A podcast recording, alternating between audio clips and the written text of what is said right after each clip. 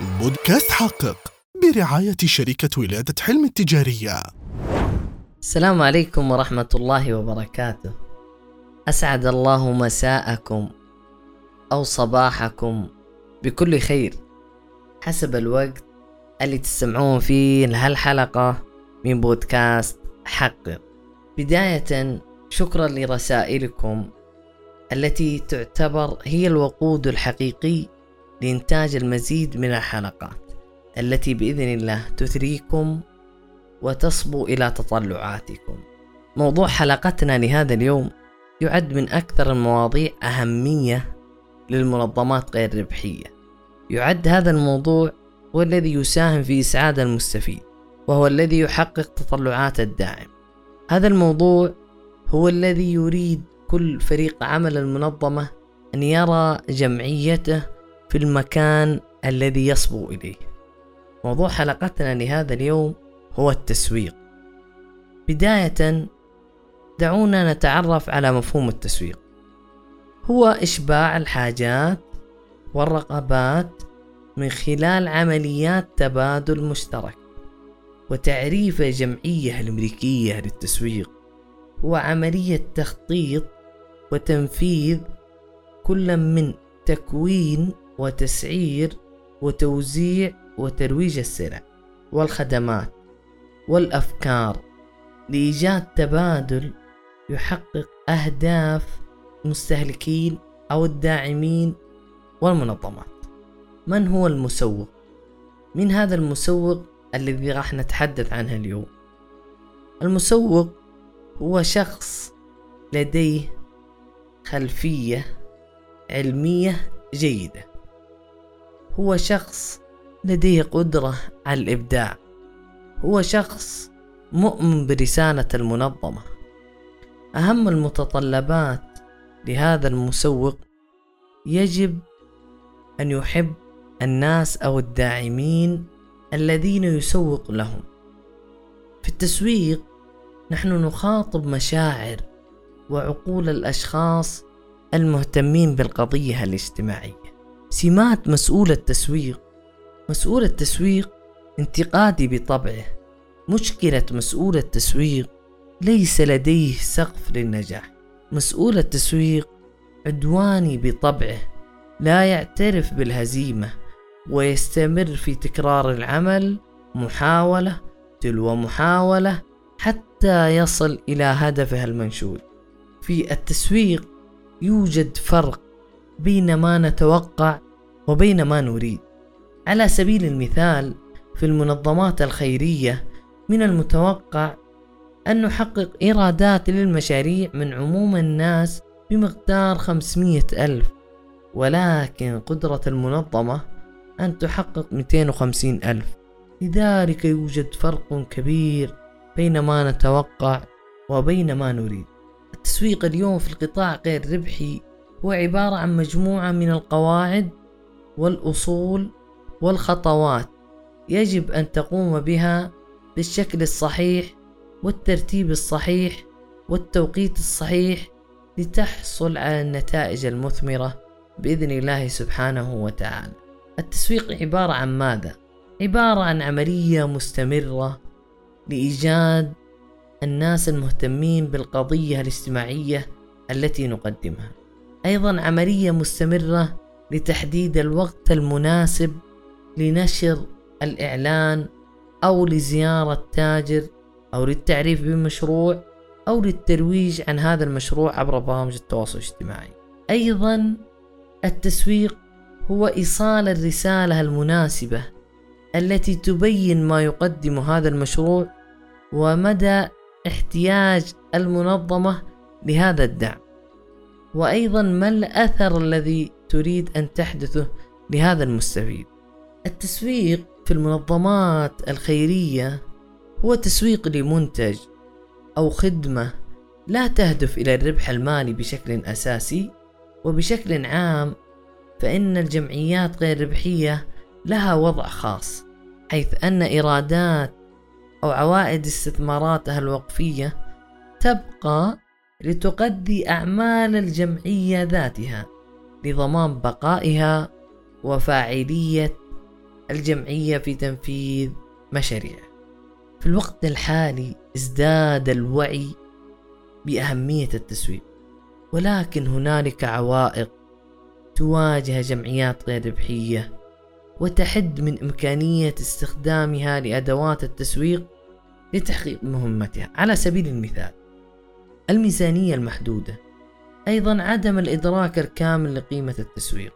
أيضا بطء في تبني التغيير في الجمعيات الخيرية.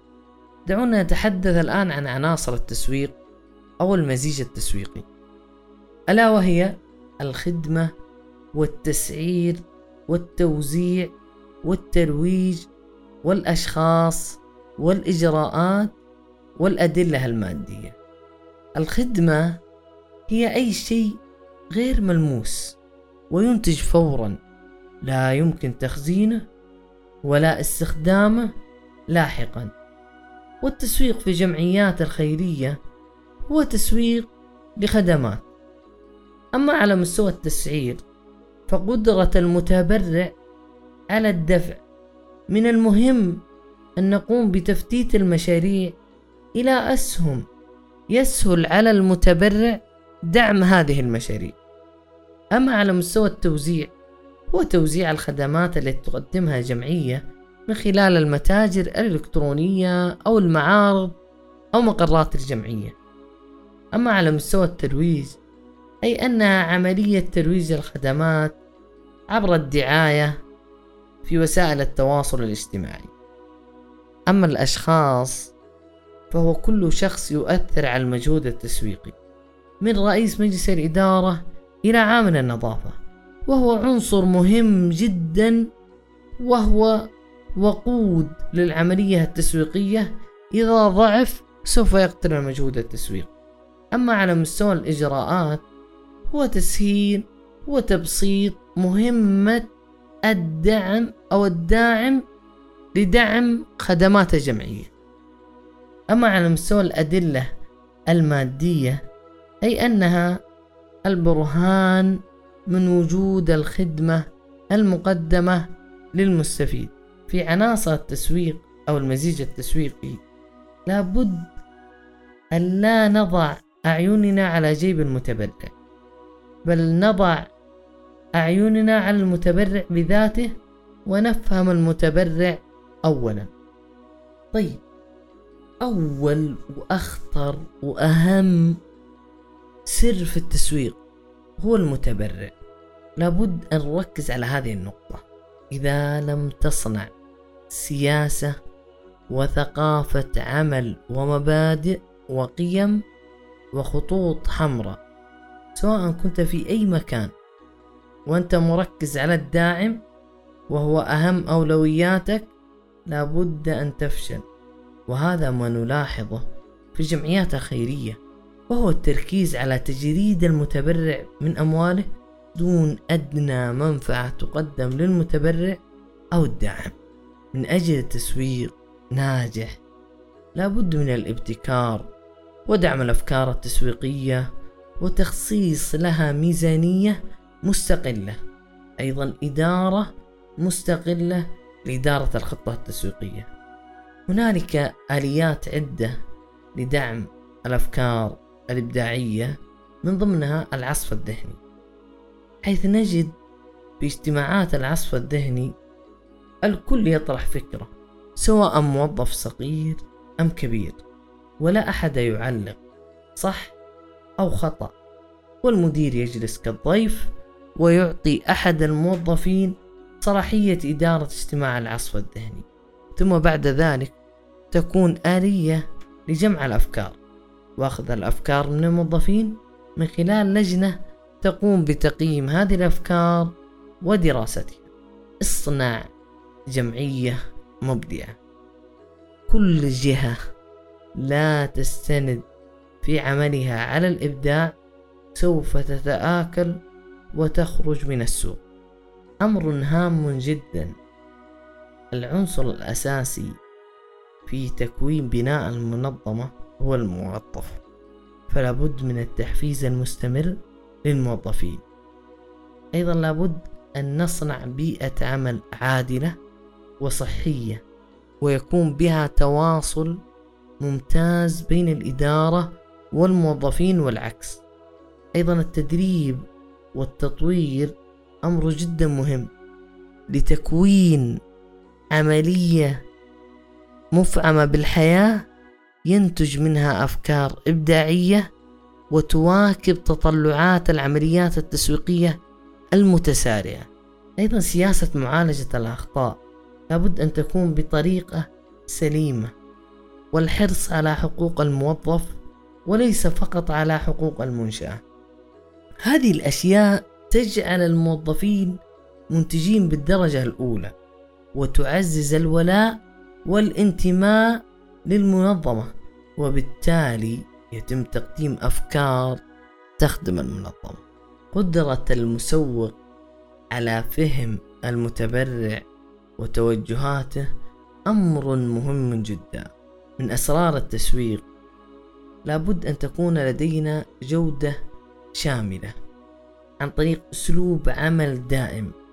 عندما نسأل أحد عن الرسالة أو الرؤية يرد علينا البعض؟ هذه زينة تعلق عن جدار أو ربما البعض لا يعرف رسالة رؤية منظمة.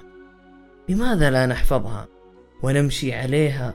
وكذلك الجودة بدل ما تكون على ورق ينبغي أن نتبنى الجودة في نفوس الإدارة والموظفين لدينا. لا يمكن خلق ولاء للمتبرعين من غير الجودة. والجودة هنا بمفهوم الداعم أو المتبرع وليس بمفهومنا نحن. التسويق كله قائم على الزاوية التي يرى الداعم بها المنظمة. والزوايا الأخرى ليس لديها أي قيمة إلا إذا كانت تؤثر على قرار الداعم. من العيب من العيب أن نعتبر أنفسنا علماء وهذا عيب قاتل.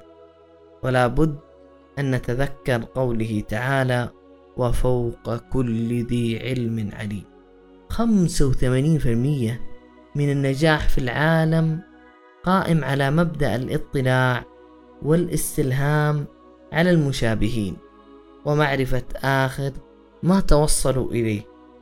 للبدء من حيث ما انتهى به الآخرون. ولا بد من النظر إلى الجهات المبدعة وليس إلى الجهات الضعيفة فتظن أنك متطور عنهم بمراحل. بينما الواقع عكس ذلك. التعامل مع أساليب التسويق المباشرة والتسويق عبر الإنترنت يعد من الأمور الهامة بكيفية مواكبة الوسائل التي تساهم في جذب العديد من الداعمين للمنظمة.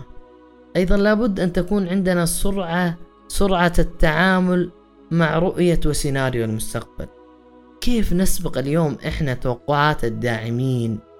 من المستحيل أن ندرك توقعات الداعم دون أن تسبقها بفهم للداعم.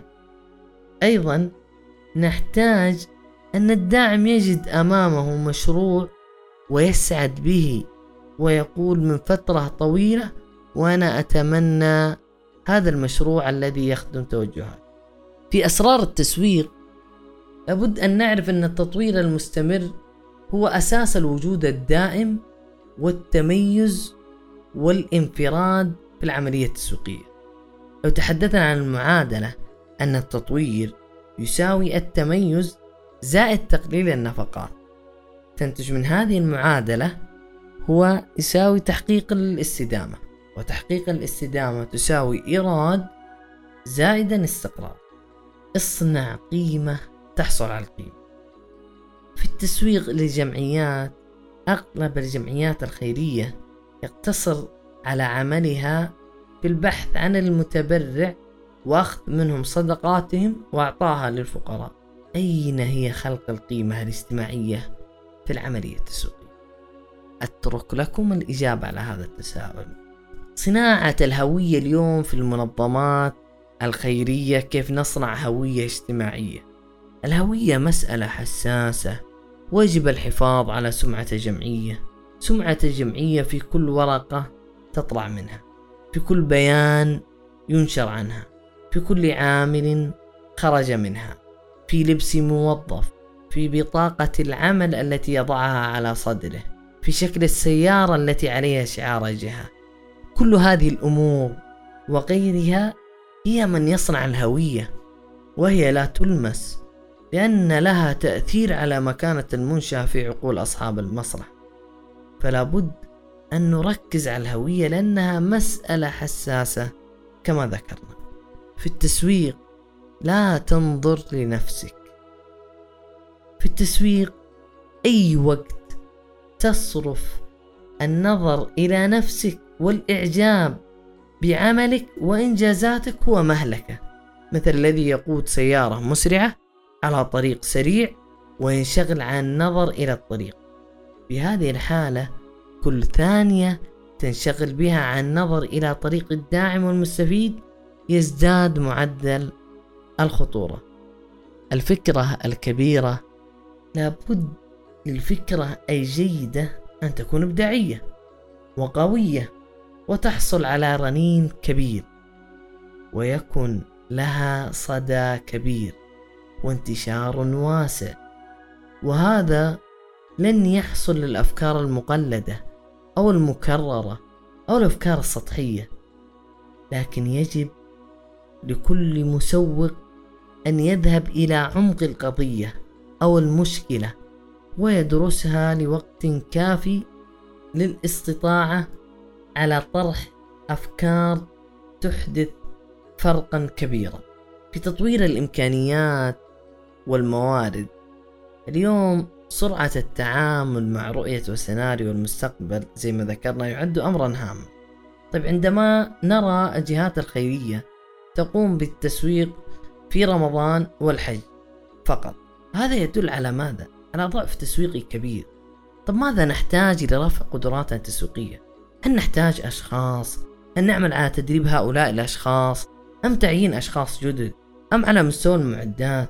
هل إحنا نحتاج إلى أجهزة ذات كفاءات عالية؟ أم كاميرات لإخراج صورة ذات جودة عالية تبين مستوى الاحتياج للمستفيدين داخل المنظمة وتعكس جودة العمل للمتبرع. أم نحتاج إلى زيادة المساحة المكتبية أو زيادة فروعنا أو معارضنا التي تعمل على تنمية هذه الموارد أو نحتاج إلى زيادة ميزانية التسويق لتحسين من إمكانياتنا في العملية التسويقية وتحسين مستوى إيراداتنا المالية. عندما يكون مفهوم التسويق واضحا في أذهان الناس يتم تحقيق إنجازات أخيرا راح نختم ما هي الطرق التي تلجأ لها الجمعيات لتسويق مشاريعها الخيرية واحد توفير مشاريع خيرية تتوافق مع دخل الأفراد. اثنين تصميم مجسمات ومبادرات تحاكي المشاريع التي يتم التسويق لها. أيضا اختيار المواقع المميزة بالمجمعات التجارية لإبراز المشاريع الخيرية. أيضا تصميم مقاطع لتوضيح أهداف الجمعية ونشرها عبر مواقع التواصل الاجتماعي. أيضا توفير خيارات تبرع مباشرة مثل المتاجر الإلكترونية. هذا ونختم بالصلاة والسلام على الرسول صلى الله عليه وسلم. أتمنى أن وفقنا في إيصال الرسالة إليكم وأن لا نكون قد أطلنا عليكم في هذه الحلقة. هذا والصلاة والسلام على سيدنا محمد ونراكم في حلقة قادمة بإذنه سبحانه وتعالى.